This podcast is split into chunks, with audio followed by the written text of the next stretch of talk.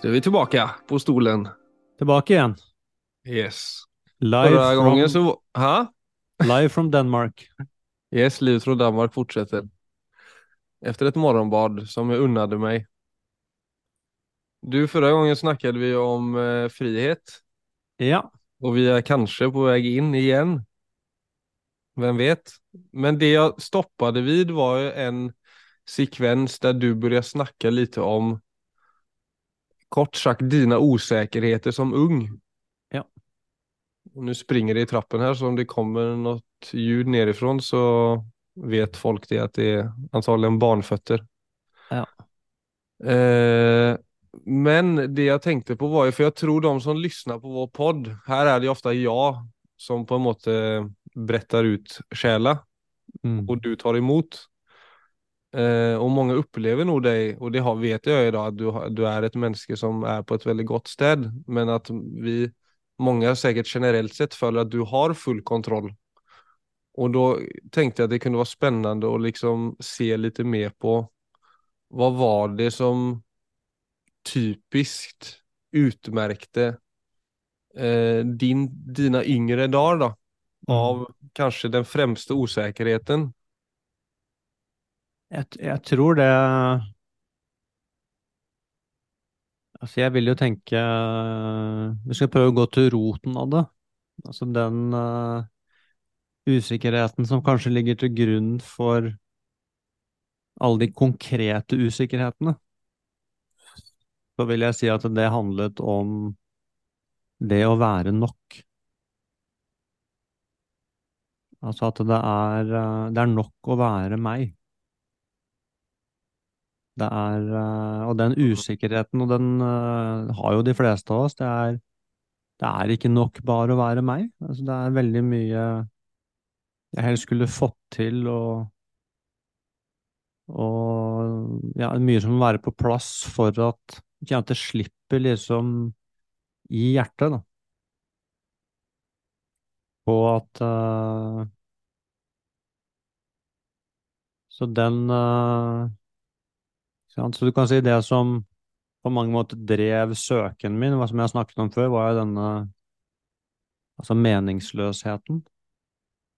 Men den sårheten som jeg kjente, altså som, og den kom jo veldig frem også når du er i stillhet og gjør mye av den type meditative praksisen, så kommer jo altså alle de tingene som vi vanligvis Vi holder oss jo aktive for å slippe å kjenne på disse tingene.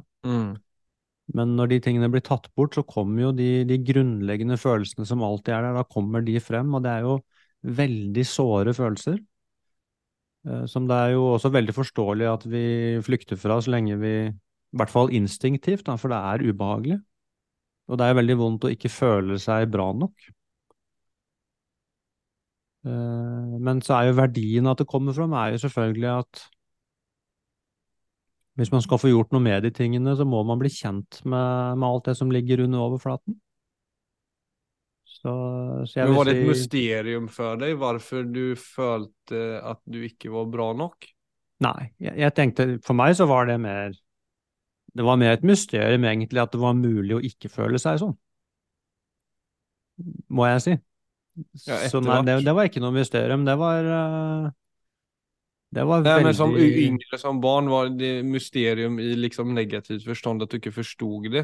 Eller kunne du forstå det når du var yngre? Jeg vet ikke om jeg kan si at jeg forsto det, altså sånn uh... Men det var en helt På mange måter så var det en helt selvsagt følelse. At det var uh... Hva trodde var- du jeg- skulle til da? For at du skulle være bra nok? Der og da? Ja, det er øh, Det er uh, Det er ikke godt å si, Philip, akkurat der, men, men hvis jeg kan se sånn Altså i hvert fall før jeg ble Munch, da, så var det jo dette med å bli Jeg ville gjerne bli altså, forfa altså kunstner, og da var, var det jo alt innenfor det å skrive, så det var vel drømmen om å om å kanskje bli forfatter eller et eller annet sånt noe. Så et eller annet sted der framme, hvis jeg fikk til det, så var det liksom lå det en verdi. Mens uh, når jeg kom i kontakt med den buddhistiske filosofien, så, så ga det jo veldig gjenklang i meg at vi hadde forskjellige bevissthetslag. At det var dybder i, i mitt sinn som jeg ikke var i kontakt med. Og hvis jeg kom i kontakt med de, så ville det ligge en, uh, Mm. altså en form for absolutt selvverdi i det. Jeg vet ikke hvor levende det var for meg, i hvert fall i begynnelsen, eller kanskje under den munketiden i det hele tatt. Det er jo mer sånn følelser, jeg vil si, som jeg har kommet i kontakt med kanskje mer de siste ti åra, egentlig. Men det var jo Jeg hadde jo den filosof filosofien var virkelig for meg. Men det var jo ikke virkelig i mitt følelsesliv, men det var kanskje der jeg la lengselen min, da. På at det var, det var mulig å bli hel som menneske innenifra. Ja, den muligheten fanns.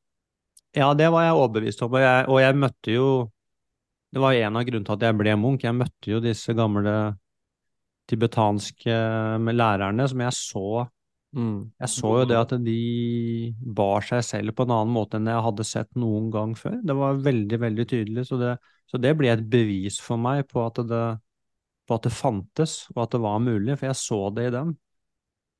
Så, så det var naturlig, ok, hvis, hvis det er sånn for dem, så må det jo kunne være sånn for meg, og det var jo det de fortalte òg. Og veien dit var jo gjennom egentlig å rydde opp i sitt eget sjelsliv. Så da var det sånn, ok, får, får gå ned den veien, da. Mm. Men det blir jo bare ideer, ikke sant? så du sitter jo med den samme sårheten egentlig på at du ikke føler deg bra nok. Att du er føler jo, på det du føler. Ja. Og det er jo Det er jo veldig såre følelser og, og vondt å sitte med. Og det er ikke noe vei ut av det der og da, så du må jo egentlig Ja, så apropos frihet igjen, så blir jo det Der kommer jo på en måte den Istedenfor å flykte fra det, så er jo da den den tilnærmingen man har til den type ting innenfor uh, Jeg kan godt si mindfulness, eller hele den østlige uh, frihetsfilosofien, egentlig. Det er jo å møte med aksept. Det er å ikke flykte fra, men også gå, gå nær. Og bli kjent med de følelsene, og så se alle de historiene sinnet spinner da, rundt dette, og se og få også øye på at dette er jo egentlig tankerekker som også er innlærte. Så, man, så det er der du begynner å jobbe med det sånn på ordentlig. Du ser at henger dette, hvor kommer egentlig dette fra? Henger dette på greip? Man Mm. begynner å ta i materien. Og, og, og ser også det at ja, selv om jeg sitter i det, og det er vondt, så, er det, så blir jeg jo ikke ødelagt, men tvert imot, akkurat som det, det er en annen styrke som også dukker opp ved å invitere den type følelser inn. Så Ja, men jeg det- tänker ofte på det med sånne vonde Nei, sorry, jeg bare, bare sånn litet innspill på eksakt det du sa der, som jeg kjenner veldig igjen meg på egen hand. Denne vonde følelser og tanker tankar dyker upp så är det ju alltid ett princip, eller de önskar ju upp- uppmärksamhet, annars hade de inte kommit. Nei. Men så blir det ofta att man möter dem med fel typ av uppmärksamhet. Att jag möter den vonda födelsen eller tanken med frykt, till exempel. Ja. Och då blir det ju förstärkt frykt. Alltså uppmärksamheten förstärker egentligen det vonda som jag icke vill ha. Ja. Eh, og det andre er jo, som vi har snakket om mange ganger, at man forsøker kvitte seg med det, liksom At man forsøker distrahera seg med noe, eller man forsøker bedøve det med noe. Og da gir man det jo en annen slags oppmerksomhet, men som man der og da kanskje tenker bare er å holde det på avstånd. Ja.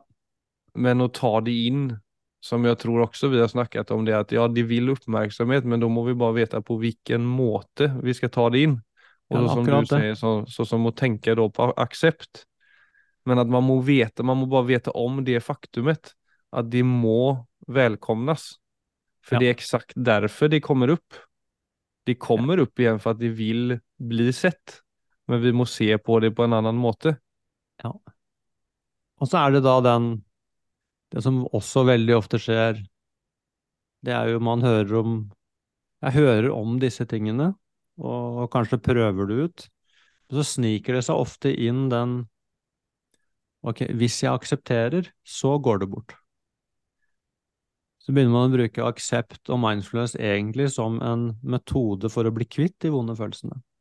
Og det funker jo heller ikke, ikke for det blir bare en, en annen måte å unnvike på. Så Mm. det er først når, når uh, man kan føle det man føler, og samtidig, og den er utrolig viktig, den andre der, samtidig også se at alle disse historiene som legges på disse følelsene, de er jo ikke sannheter.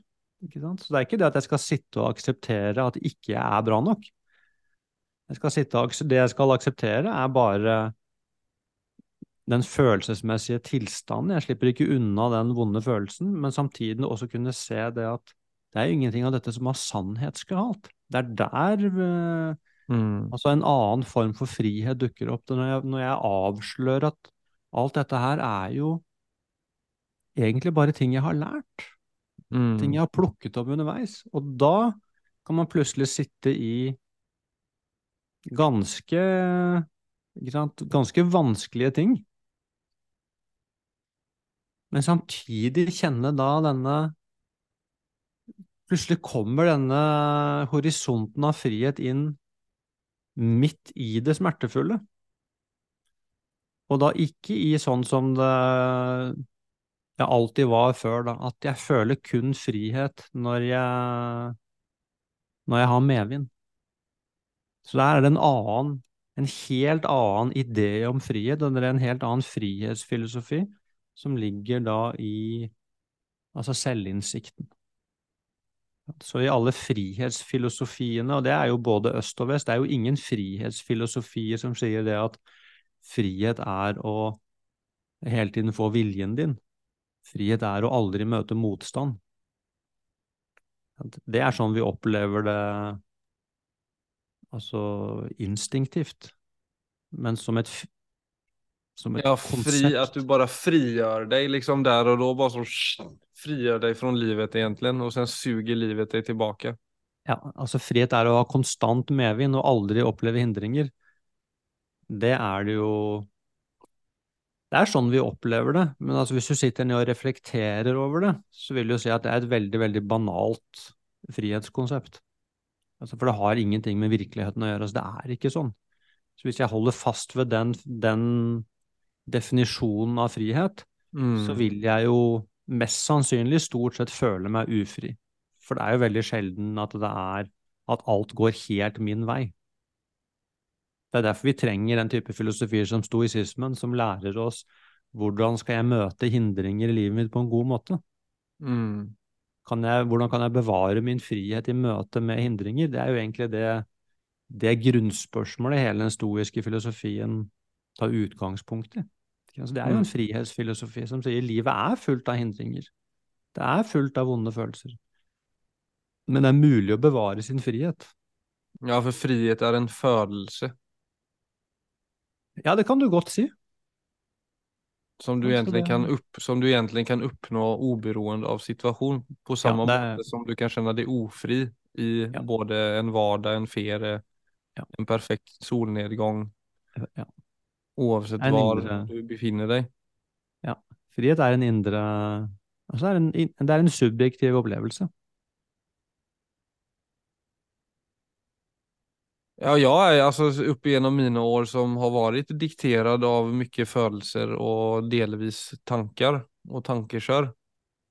Så har jag många, många tydliga erfarenheter med å känna mig ofri, oberoende av var i verden jeg befinner meg og i hvilket selskap jeg befinner meg. Og samtidig så har jeg mange erfarenheter ved å känna meg veldig fri Mm. i situasjoner som ikke nødvendigvis har med bilden av yttre frihet att gjøre med. Mm. Og det sier så mye om, Mm. hva er egentlig egentligen frihet då? Mm. Ja. ja, akkurat det. Det er jo noe vi, helt annet enn det vi snakker om. ja. Og jeg tror vi har jo alle de opplevelsene du snakker om der, så det er jo da noe med å gå inn og se Det holder å ta utgangspunkt i min egen erfaring, men jeg må, jeg må jo virkelig ta inn over meg det jeg faktisk opplever. Så, så vil vi oppdage det at friheten kommer ikke utenifra. Og vi opplever også det at angsten kommer heller ikke utenifra. Det er ingenting av disse tingene som kommer utenifra. Det er Det skjer i sinnet. Mm. Og det som skjer i sinnet, det, Det kjenner vi i nervesystemet. Så, så det er jo det virkelig revolusjonerende, når du, når du virkelig, altså i din egen erfaring, innser det at altså livet mitt utfolder seg jo i, i mitt eget sinn. Selvfølgelig Selvfølgelig så Altså er det ikke sånn, Jeg sier ikke nå at du bare fins i mitt sinn, men min opplevelse av deg filtreres jo hele tiden gjennom mitt Ja, hun du har det, ja. Ja, gjennom, ja, gjennom sinnet mitt, da. Gjennom sansene Mm. mine og sinnet mitt. Så, så det er der alt egentlig bestemmes. Så om jeg liker deg eller ikke, du er jo bare Philip, men om jeg liker deg eller ikke, det skjer jo i meg. Du er den samme. Så, og livet er det samme, men om jeg har et Om jeg elsker livet eller hater livet, det skjer jo i meg. Jeg har ikke noe med livet å gjøre. Livet bare øh, utfolder seg. Så om jeg har et godt eller dårlig liv, det skjer i meg. Så dypest sett så er det ikke livet, altså de ytre hendelsene som definerer det. Det defineres innenfra. Så det er Men derfor stoikerne fått, där är det sikkert mange som føler på, For nå er det jo, som du sier, nå er du inne på et spår som for mange er är lite otillgängligt i det anseendet att jag tror en känsla som fort dyker upp är det där med att ja, han har fått sämre kort på handen, hon har fått, han, hon har fått bra kort på handen, Mm. mer oflax, värre barn, uppväxt och sådär. Ja. Och det, det är klart att eh, förutsättningarna spelar ju roll i hur vi tar oss igenom och upplever och klarar av att hantera livet. Det vill det ju alltid göra. Men det er der det kan være nyttig å gå til uh, til å finne moteksemplene er nyttig, da. Altså det Altså gå til de menneskene som virkelig har eh, opplevd harde ting, og som, og som selv står og snakker om frihet. Ja, så ser det så det er jo, og det er det jo veldig mange eksempler på. Det er jo også mange sånn, det er jo mange hverdagseksempler på mennesker som går gjennom tap og sykdom og, og store endringer og veldig vanskelige ting, og som allikevel står der og øh, ja, er eksempler på på, på den styrke. möjligheten, ja. Ja, på styrke, på sinnsro, på kjærlighet, på at ikke de har kollapset. De har ikke blitt definert av de vanskelige omstendighetene, men har tvert imot gått igjennom. Og så, så jeg mener ikke nå Det er ikke noe sånn rosenrødt uh, bilde prøv å male her. Det er, det er ikke sånn jeg bare liksom bare ta deg sammen og definere livet bra. Vi, vi snakker jo mer om den eksistensielle muligheten. Og så er det noe med å da eventuelt ta opp den tråden og si For at det å, det å klare å stå i et liv uten å bli definert av alle livshendelsene, det er klart det krever alt vi har. Det er, det er jo veldig krevende, det er jo en krevende ting å ta opp, men det er også utrolig mye da, det er en enorm gevinst i andre enden, for da, du tar jo da opp den ene tingen vi har fått utdelt i livet som vi egentlig har kontroll på. Og det er jo hvordan vi, hvordan vi står i ting. De ytre hendelsene har vi jo ikke kontroll på. Så hvis jeg skal gå inn og si jeg opplever bare frihet når livet er på en bestemt måte, så er det bare det er et dårlig valg. For da har jeg Ja, Du har lagt bort all egentlig kontroll. Ja, jeg har lagt bort den muligheten jeg har til å, til å definere mitt eget liv, for den vil alltid være her. Den vil ikke være der. Vi har jo selvfølgelig litt, litt styring, men du ser, det er bare å bli med en livsreise lenge nok, så ser du det at på et eller annet tidspunkt, ikke sant, til og med de rikeste og mektigste, plutselig så skifter eh, skjebnens lune, ikke sant, så, og så står du der. Og, har, eh, og til syvende og sist, altså som eh, jeg synes stoikerne sier så vakkert, og de sier du er jo ikke engang kroppen din, så på et eller annet tidspunkt så må du gi den tilbake til, til eieren. Du har bare kroppen din til låns. I marken. Ja, til naturen, som de sier. Så på et eller annet tidspunkt så skal jo til og med kroppen min gis tilbake til naturen. Og da er jo spørsmålet hvor er sinnet mitt da? Er jeg, er jeg villig til å overgi meg til den siste transaksjonen? Eller holder jeg da fast for alt jeg har? Så vil du se ja, du kan holde fast så mye du vil, men før eller siden så tar du ditt siste pust. Mm. Så, så, det er jo på det nivået vi snakker om nå. Det, men det som er i disse frihetsfilosofiene, det er jo at de snur det helt rundt og sier hvis du kan bli med livet sånn som livet er, så vil du kunne føle deg fri helt inn i dødsøyeblikket ditt. Så der vi mister friheten, er når vi sier 'jeg vil ikke at livet skal være sånn som det er'. Da opplever jeg meg jo som fanget. Mens jeg kunne være med livets bevegelse sånn som den er, så vil så vil min opplevelse av frihet, den vil ikke bli angrepet. Men det er ikke det at et fritt liv mm. nødvendigvis er et lett liv. Nei, det er det ikke nødvendigvis, men det er et fritt liv. Så... Ja, nå tenkte jeg på en banal historie som, som jeg, jeg vet ikke helt hvorfor den dyker opp. Kanske for at du snakket om kroppen, men det er sånn uttrykk uttrycka fri, altså det, det er jo det seriøse ved det Da. det å få barn er jo verkligen, For der legger du verkligen merke til hur du er med på å forma et menneskes opplevelse av å være fri i sig mm. själv. Mm. Og det er jo fint og lite skremmende egentlig, for at den, där har du en voldsom effekt på de små. Ja. Men jeg har en sånn tendens til å ibland, eh, på tal om at kroppen uttrykker sin frihet, så kan det hende at jeg fiser noen gang iblant rundt barnen. Og det syns de er veldig kul. og da kan jeg liksom bagatellisere litt rundt det. Men sen på senare så har ju de har ju sen inte gränser för när det er passende og ikke å fisa. Då är det ju Gitte som får, får, när hon står och lagar mat så kommer de och tror att det är göj å ställa, dra ner byxorna och fisa på henne liksom.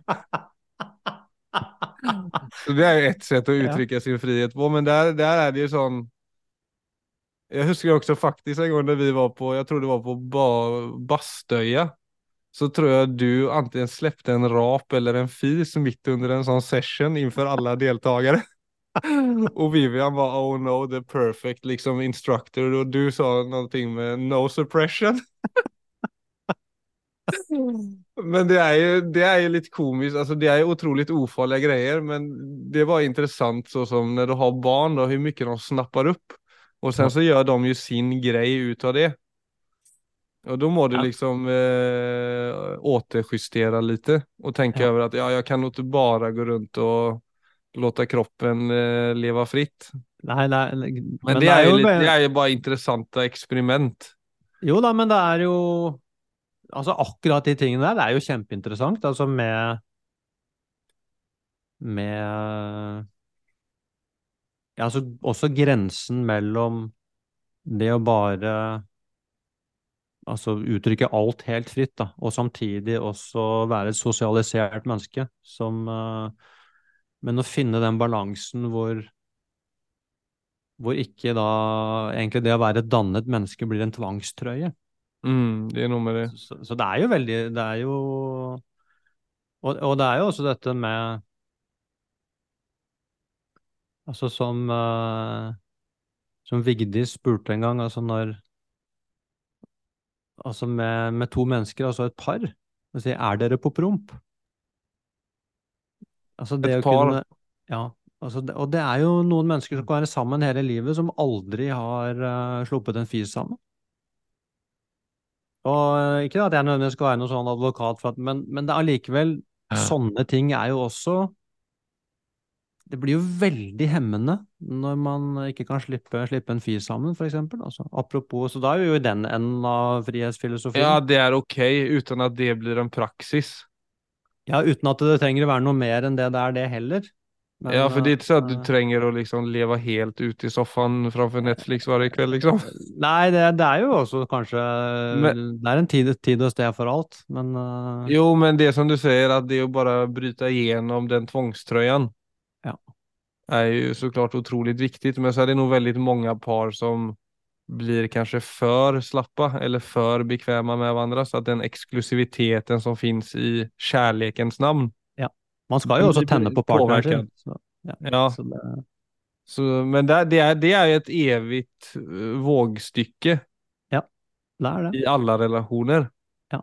Men da, og det tenker hvis du tar den altså Det er jo morsomt, men det er også alvorlig. Men hvis du tar den videre derfra, så går jo dette inn også i altså den friheten som er med å Det er jo derfor de snakker om alt dette med å være seg selv.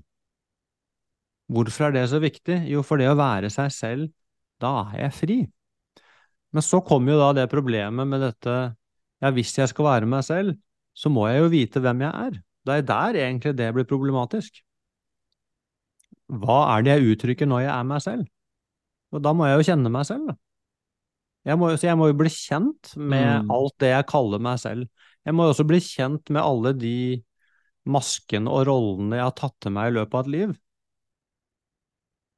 For, som jeg tror er meg selv, men som ved litt undersøkelse det er, det er jo ikke meg, det er bare ting jeg har tatt til meg fordi jeg var usikker. Så hva er det som står igjen egentlig som å uttrykke meg, til syvende og sist? Så det blir jo noe av det samme. Ikke sant? Det er den Én ting er dette med ja, For det er det veldig mange er redd for når de hører det jeg skal bare være selv, så er det akkurat som om da tyter liksom bare all min selvsentrerthet ut. Da er det ikke plass til andre, da skal jeg ha all space. Det er ikke det som er å være seg selv. Så det å gå, gå og se hva det egentlig det betyr, altså sånn litt bakenfor da skal bare alt få lov til å henge. Nei, det er ikke det, er ikke det de prøver å peke på, det er noe helt annet. Men det er klart, hvis ikke det er Vi går tilbake egentlig til det vi snakket med, altså den usikkerheten de fleste har rundt sin egen verd. Det kommer jo også fra at ikke vi vet hvem vi er, og at det aldri har blitt det har blitt sett, men det har ikke blitt sett av meg engang. Men det er klart, i det øyeblikket jeg kjenner det at nå er det bare rom for å være meg, så er det klart at det også da alltid kommer med en frihetsfølelse. Ja, og våga, for ja, man vokser jo opp med, Jeg tror mange vokser opp med en følelse og Hva er det man skal kalle det, men et, et sett der noe er rett og noe er fel. Mm, absolutt. Og så tar du med det inn. Altså, det blir jo som dine egne indre grenser i møte med livet som vuxen og så får Mm. du Og det blir återigen også den der litt sånn trange kostymen som du kan bara få lov till, låta vara där. Men Mm. ett, ett frihetsuttryck för mig är ju det att utforska just de gränserna. Mm. För vad som är rätt eller fel i vad jag, när jag växt upp med. Nu när jag har liksom börjat göra det till en viss grad, eller en ganska stor grad. Så ser jag det att det som det er så begrenset det ja det er som du sier, at man skal jo liksom være et socialt uh, ansvarsfullt uh, menneske. Men i seg selv så er det så viktig å rymme mye mer enn den boxen om hva som er rett eller fel, for vi bærer Mm. på så utrolig mye mer Mm. i oss selv. Og om vi bare skal forholde oss til det på et indre plan så føler man nog veldig fort at det som er i meg, er kaotiskt och kanskje ikke er plass for, og kanskje ikke blir akseptert nok, og ikke er bra nok. Ja. Allting blir veldig litet og veldig negativt. Mm. Eh, men så er vi alle mennesker bærende av så utrolig mye i oss selv.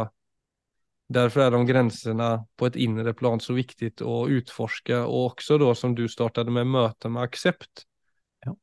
Ja. da merker man også med tiden hur at det er helt ok å bære på utrolig mye. At ikke det er så farligt og også det du opplever som kanskje stikker ut eller ikke passer i samfunnet, får plass i et annet område eller i hvert fall får plass for deg, og vil alltid finne Ja. eh, Vil alltid finne andre sammenheng. Jeg tror den, der kommer kanskje også den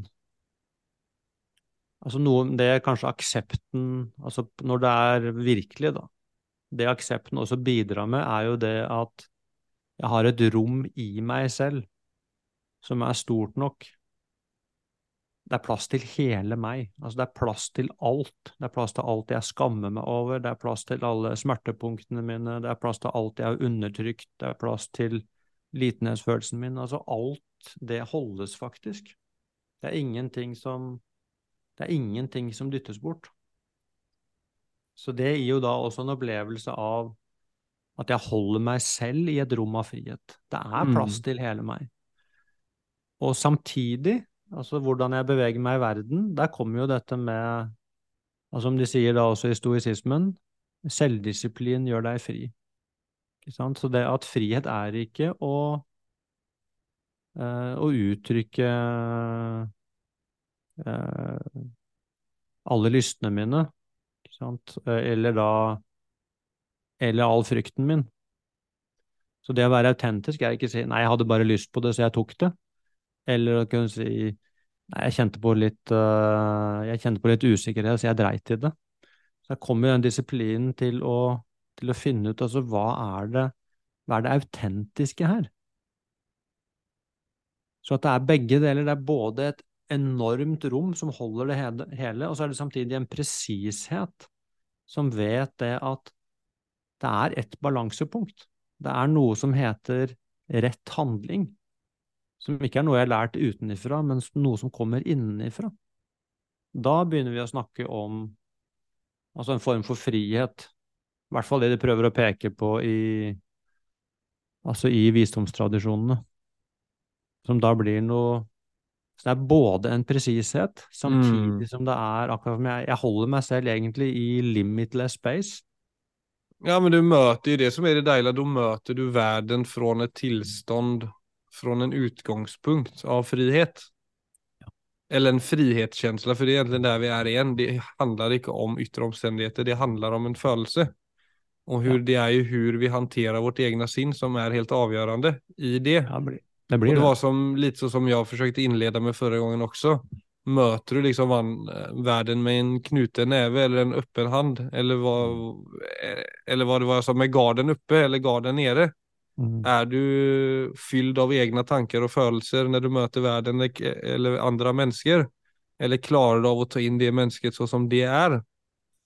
Eller vil du bare sirkulere dine egne ting gjennom dagen og Mm. sette etiketter därifrån? Och det är ju, det, det skrymper ju känslan av att känna sig fri. Mm. Så det är ju hela tiden, man kan ju egentligen hämta information från hur vi upplever att vi möter livet från stund till stund. Ja, det du snakker om der, Philip, det er jo dette med Altså hvor viktig det er å bli klar over at Altså den tilstanden du er i Du møter verden fra den tilstanden du er i. Og det er det som er avgjørende. Mm. Det er en ganske voldsom ting å bli klar over. Og de har, eh, når du snakker om det, så kommer jeg på en gammel, gammel historie fra Buddha, som jeg tror kanskje jeg har fortalt før, men den passer veldig godt inn her. Som er eh, Altså, han, han vandret jo rundt i India de siste 40 årene av livet sitt, så de var jo på egentlig på konstant sånn omreise. Og så var det, var det en mann som kom, og han var veldig sinna, for det er klart Buddha var en veldig radikal lærer på sin tid, og hadde jo ikke noe gudetro. Det var jo mye mer å se på eksistensen sånn som den er. Og det var jo veldig truende, selvfølgelig, for, eh, for mange av disse menneskene. Så han kom og var veldig, veldig sint, og, og skjelte ut Buddha. Og det kan være nyttig å gå tilbake til en eller annen gang hvor du selv har blitt skjelt ut eller anklaget for noe som du opplevde som dypt urettferdig, hva det gjorde med deg. Men i denne historien, som ja, kanskje med stor sannsynlighet er sann, så så, så venter Buddha til han er ferdig, og så spør han ham bare har du hatt, fått gjester noen gang? Og så sier den mannen ja, selvfølgelig. Og har det hendt at disse gjestene har hatt med seg gaver? Ja. Og hvis du ikke tar imot gaven, hvem er det da den tilhører? Nei, det er jo selvfølgelig gjesten. Og så sier Sabuna, ja, på samme måte så tar ikke jeg imot sinnet ditt. Og hvem er det som eier det da? Jo, det er jo Så hvis Og da kan du Man kan jo se Det er jo lett å få øye på prinsippet, men eh, jeg må jo selv si at når jeg noen ganger, hvis jeg blir anklaget for noe, så klarer jeg ikke bevare den sinnstroen. Hvis du ser på den muligheten til at du ser den situasjonen helt klart, så blir det jo veldig tydelig at alt det denne personen uttrykker og retter da mot, i dette tilfellet Buddha, det handler jo om hans eget Han er jo opprørt. Og hvis du ser det helt klart, hvorfor skal jeg gå inn i hans indre opprør? Det handler jo ikke om meg i det hele tatt. Så til og med i den type situasjoner, hvis du Altså hvis du er Hvis du bærer den type indre frihet, så vil du også se at den type situasjoner, som jo er det vanskeligste av alt, det faller bare til jorden. Så det er jo Da har man jo snudd friheten helt rundt, til å være at man Ja, frihet er å hele tiden være i medvind. Det er at folk er snille mot meg, at de behandler meg pent. At uh, det ikke skjer konflikt, at jeg får viljen min, at jeg får til det jeg ønsker. Til å se at frihet er egentlig en indre tilstand som man kan gå rundt i uansett ytre forhold. Og jeg vil si at vi Det interessante med å være menneske, det er jo at vi lever egentlig i hele det spekteret hele tiden. Og det å, å bli bevisst i det, det vil jeg si blir et, det blir et interessant liv. Mm. Fordi at alle situasjoner bærer egentlig den type ladning. Så er spørsmålet hva gjør det med meg? Ja, og så er det å kunne særskilje på om, du fakt om det faktisk kommer, om, de, om noen blir veldig sint på det, og det ligger informasjon å hente der, så skal man jo kunne ta ansvar for det, trots at man ikke nødvendigvis blir et offer for eh, efterfølgende tanker i to uker om at jeg er dårlig eller jeg er ikke bra nok, som jo ofte kan være fallet. Ja. Men, Men, det er klart, i det øyeblikket vanlig, et bilde også av folk som har mestrat sinnet. Dessverre kan det også ofte være at de går inn i en sånn slags Jeg er upåvirket av verden. Jeg har mestrat mitt sinn. Så jeg, jeg har full kontroll, og det er ingenting som går inn og ut av meg. ja, det, Ja, det virale, sådana Eh. virala, så, til, till exempel stora internetpersonligheter då. Ja, det høres liksom jo mer ut som mental eh, health eh, 100% på plats. Ja. Så är det så Ja. ouppnåbart som det bare går samtidig som det er eh, altså en følelse av en rustning av stål, ikke sant? Ja. Men du sitter ennå på de der visdomsordene visdomsorden som du gjerne deler med verden. Ja.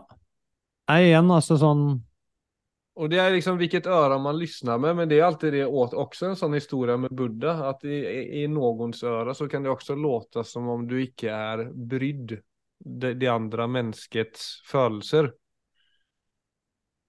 Ja, nei, men det er, det er selvfølgelig når du Det er jo egentlig Det burde vi kanskje lage en episode på, egentlig, for det, det er en ganske stor ting å pakke ut. Men det er helt riktig det du sier. Det er veldig lett å ta den historien på til feil sted. Ja, Ja. det men det er også det, det, det kom, kan komme den type historier kan komme feil ut bare for at det er veldig mange av den type historier. Ja. Der det faktisk er en, en kall vegg som møter deg. Ja, men husk på det, det, det, det er det vi hører. Men ja, det er det jeg mener. Og det er også det du ser, Altså, hvis det er det du hører, så er det det du manifesterer eller uttrykker. Så det er derfor mange av disse store internetpersonligheterna har ju begränsade kunnskap av vad det är att mestre sinnet. Ja, men jeg tror uh, hvis det er virkelig, da, altså hvis det kommer fra visdom, så vil For det vi snakker om her, er jo ikke kaldt, men det er non-reactive. Men stort sett når vi har den type interaksjoner, så er vi reaktive. Ikke sant? Så til slutt så står det jo bare to Ofte så ender det jo bare med at det er to mennesker som står og krangler. Og da kjenner vi oss igjen, så tenker jeg det, det er jo fint, for da er det Men det å være non-reactive, som jo er det egentlig den historien prøver å peke på, det skal jo helst være varmt. Så det er en ikke-reaktiv varme, ikke en ikke-reaktiv kulde. Så det å ikke være emosjonell er ikke det samme som å være kald. Men eh, det kan selvfølgelig være det, og det er nok ofte sånn Ja, det kan være fake varme som Ja, det, det, det er nettopp det. Eller det, eller det blir jo ofte kaldt òg, som man bruker, som men da blir det bare teknikker for selvbeskyttelse. Men egentlig så skal det jo være da den grunnen av Altså det er ikke, det er ikke reaktive øyne som ser på denne mannen, men det er kjærlige øyne. Så det Men selvfølgelig, det avhenger jo av om det er virkelig eller ikke. Så det er, det er en veldig, veldig, veldig viktig ting du påpeker der, Philip. Som, Men det å eh, være reaktiv, det mener du på en, en, en, person som har god hanteringsevne på sitt egne sinne, da, eller sitt egne, egna sinnelag, Ja.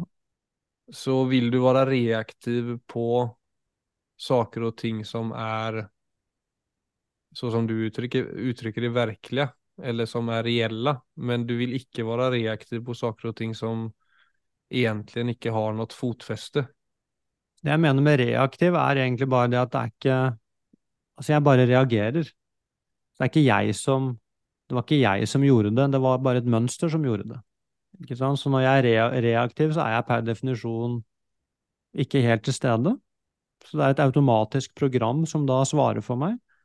Og det er jo ofte sånn det er når vi blir ja, altså når vi blir ordentlig stressa, eller når vi blir veldig emosjonelt trigget, så vil vi ofte se at ja, å bli forbanna er jo et godt eksempel, ikke sant? Altså, det har vi jo vært alle sammen. Å se det at alt det vi sier og gjør og tenker når vi er skikkelig forbanna, altså når vi har roet oss ned igjen, så ser vi jo sånn var det, Kom det noe godt ut av det, egentlig? Så var jeg på Og hvem, hvor var det alt dette greiene her kom fra? Så vil vi se hvordan ville jeg respondert i den situasjonen hvis jeg hadde vært på plass? Hvis jeg hadde husket at jeg faktisk hadde et valg, så er jo det ofte ganske annerledes. Så vi ser disse reaktive programmene er de er ofte de er instinktive, og de er selvbeskyttende. Og de er jo ofte der fra naturens side også for å beskytte oss. Hvis du virkelig trenger å beskytte deg, så kan de jo være nyttige. Men i de nære, intime relasjonene, når vi blir reaktive der, så tærer jo det alltid på relasjonene. Altså for det, vi finner ikke fram til hverandre. Vi står bare og kaster ting på hverandre, altså med ord. Så det er det jeg egentlig mener. Så det å ikke være reaktiv betyr at man finner en annen vei inn. Mm. Men da må jeg også klare det å se at når det der eh, lille ubehaget treffer meg, så må jeg klare å si oi, nå, nå har jeg lyst til å skrike tilbake, men får jeg det jeg egentlig søker da? Det er mer den lille spacen der Mm. Som denne historien tror jeg prøver å fortelle. Ja, bare den muligheten på at noen faktisk kan stå og skrike til deg, og så ser du det at dette handler egentlig ikke om meg. Men det er ikke da at du ikke bryr deg om det mennesket, nei, men, så- men først må egentlig det, så klart ved å ikke reagere, så vil jo det mennesket, da får det ut trøkket sitt. Og når det er gjort, så kan man kanskje ha en samtale på ordentlig. Ja, för det kan jag menar i nära relationer så är det ju två som dansar höll jag på att säga. Så det är klart att det vill ju alltid vara, eller väldigt ofta, vara två stycken som behöver ta ansvar för situationer. Ja, men hvis den ene gjør det, så er den andre For for at hvis én står og skriker, og den andre er rolig, så er det veldig lite Det er veldig sjelden det varer så lenge. Ja, men det är det jag menar. Att eh, du kan möta det från ett tillstånd av, eller gjøre göra en insats för att möta det lite mer neutralt. Men så kan ju det vara så att du har en delaktighet i det sinnet som, eh, som du blir eh, träffad av. Ja da. Så det kan ju vara, men som du säger, det skapar ett grundlag för möte om man icke är reaktiva. För Ja. att kunna nysta upp i det som icke fungerar. Jeg tror det er eneste, eneste mulighet. tilbake, Som du sier, å forsvare seg. Ja. Så det å ha et, et slags system for hvordan man håndterer sine følelser, er jo kanskje strengt tatt nødvendig for å kunne ha samtaler rundt det som eventuelt skal justeres på. Ja, jeg vil påstå det, ja. Så det, men det er, alltid, det er alltid det når man snakker om sånt her, så jeg merker jeg blir sånn hyper eh, av å klare av å bena ut det på et, måte, på et sett som gjør at det blir forstått. Jeg, jeg merker at jeg får, jeg får nesten sånn trang i meg, for jeg vet hvor svårt det kan være å samtidig forstå det til fullo. For det her er jo også filosofier som mange av oss västerlänningar ikke alls har Mm. i ryggraden. Jeg Ja. mener, oppveksten er jo, vi vet jo alle det, det, det jo ju djupa spår. Och vad vi, vad vi eh, lär oss upp till att tro och känna på och vara på. Ja. När man hör sådana här historier så är det ju återigen som vi snackar om vilket öra man hör på men också vilket förståelse och vilken bakgrund och vilket apparat det som är till städe när någon förtäller det så som du gör. Ja. Och så är det sånn, okej man testar det och så har man kanske inte förstått det helt och så funkar det inte och så kastar man det bort. Ja. Och da er det liksom din og min oppgave på et eller annet vis å bare sånn Hvordan kan vi gjøre det så handfast som mulig, så at det ikke Ja. blir bare en historie som egentlig ikke får fotfeste? Men det gjør vi altså. men jeg, bare, med, jag ska bara förklara för jag ställer ju en del sånne spørsmål både for meg selv, holder jeg på å si, men kanskje framfor alt også for å bryte det ned. Og det kan også være at det blir komplisert av å bryte det ned, men jeg tror samtidigt man må bryta det ner lite för att det ska bli någonting som eh, blir tillgängligt och som man kan känna igen. Ja, ja, nei, absolutt. Helt klart. Altså, det Altså, vi Ja, jeg er helt enig med deg, Philip. Vi må prøve på det, og samtidig så er det også den Du vet, det Tänk å møte verden med en følelse av frihet som var det vi innledet med. Det er jo noe som du också, som ju också var en av grunderna till att du fortsatte ditt liv som munk då, som inte nödvändigtvis är någonting som alla andra kommer göra. Men att du, hur du möter, vilket tillstånd du är i definierar hur, hur du upplever livet. Hvis du glömmer av det, att så ligger det till, så vill du hele hela tiden vara dikterad av yttre tillstånd. En solnedgång är bäst, sitta på jobbkontoret är tråkigt. Ja, for eksempel. Och det blir jo ikke et uh, liv fullt av muligheter, spør du meg. Nei, det blir jo en veldig redusert horisont, da. Det gjør jo det. Men det er jo Men igjen så er det jo sånn Jeg tenker jo sånn, det eneste vi kan Altså når vi har en samtale sånn som vi har nå, så Og bruker ord, og selvfølgelig til til også mennesker som hører på som ikke sitter i rommet, så er det klart at det At ordene treffer jo De vil jo treffe veldig forskjellig. Så det ligger jo i sakens natur. Så det er jo noe av problemet med ordene, egentlig, er at de er veldig mangelfulle. Så, Ja. Men samtidig så er det noe med Ja, for eksempel bare en sånn setning, da. Du er ikke i dine tanker og følelser. Noen kan høre det, og det er et eller annet som skjer. Og kanskje ti år seinere så går det opp for deg hva som lå i den setningen. Og sånn er det jo med alle disse tingene som vi snakker om her, og det tror jeg også vi må ha respekt for. Dette er ting som som det tar øh, Det er nødt til Altså, det skaper Kanskje det åpner opp noen nye rom. Det vil alltid åpne opp rom for masse misforståelser. Men så er det også dette med altså hvordan man finner fram på en livsvei. altså Gjennom alle krinkelkroker og omveier og sånne ting, så er det.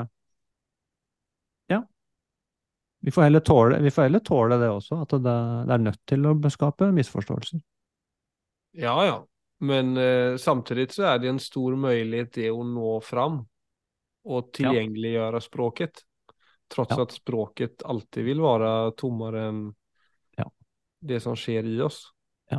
Men det er veldig fint, Philip. Det er jo egentlig også din oppgave å ja, For eksempel når jeg forteller en type historie, så er det jo veldig nyttig at du kommer med med egentlig et rødt flagg og sier dette kan dette kan forstås på veldig mange rare måter. Så kan vi få i hvert fall snakket om de, de misforståelsene som, Kan ligge kan, kan dyka ja, som vi i hvert fall ser. Helt klart. Men eh, ja. Nei, två episoder om frihet. Ja. Var... Vi fikk jo gjort lite på det området ändå. Ja da, vi har eh, vært innom noen variasjoner, i hvert fall. Ok. Philip. Fortsatt gode dager i Danmark. Takk skal du ha. Det samme. Ja. Ha det.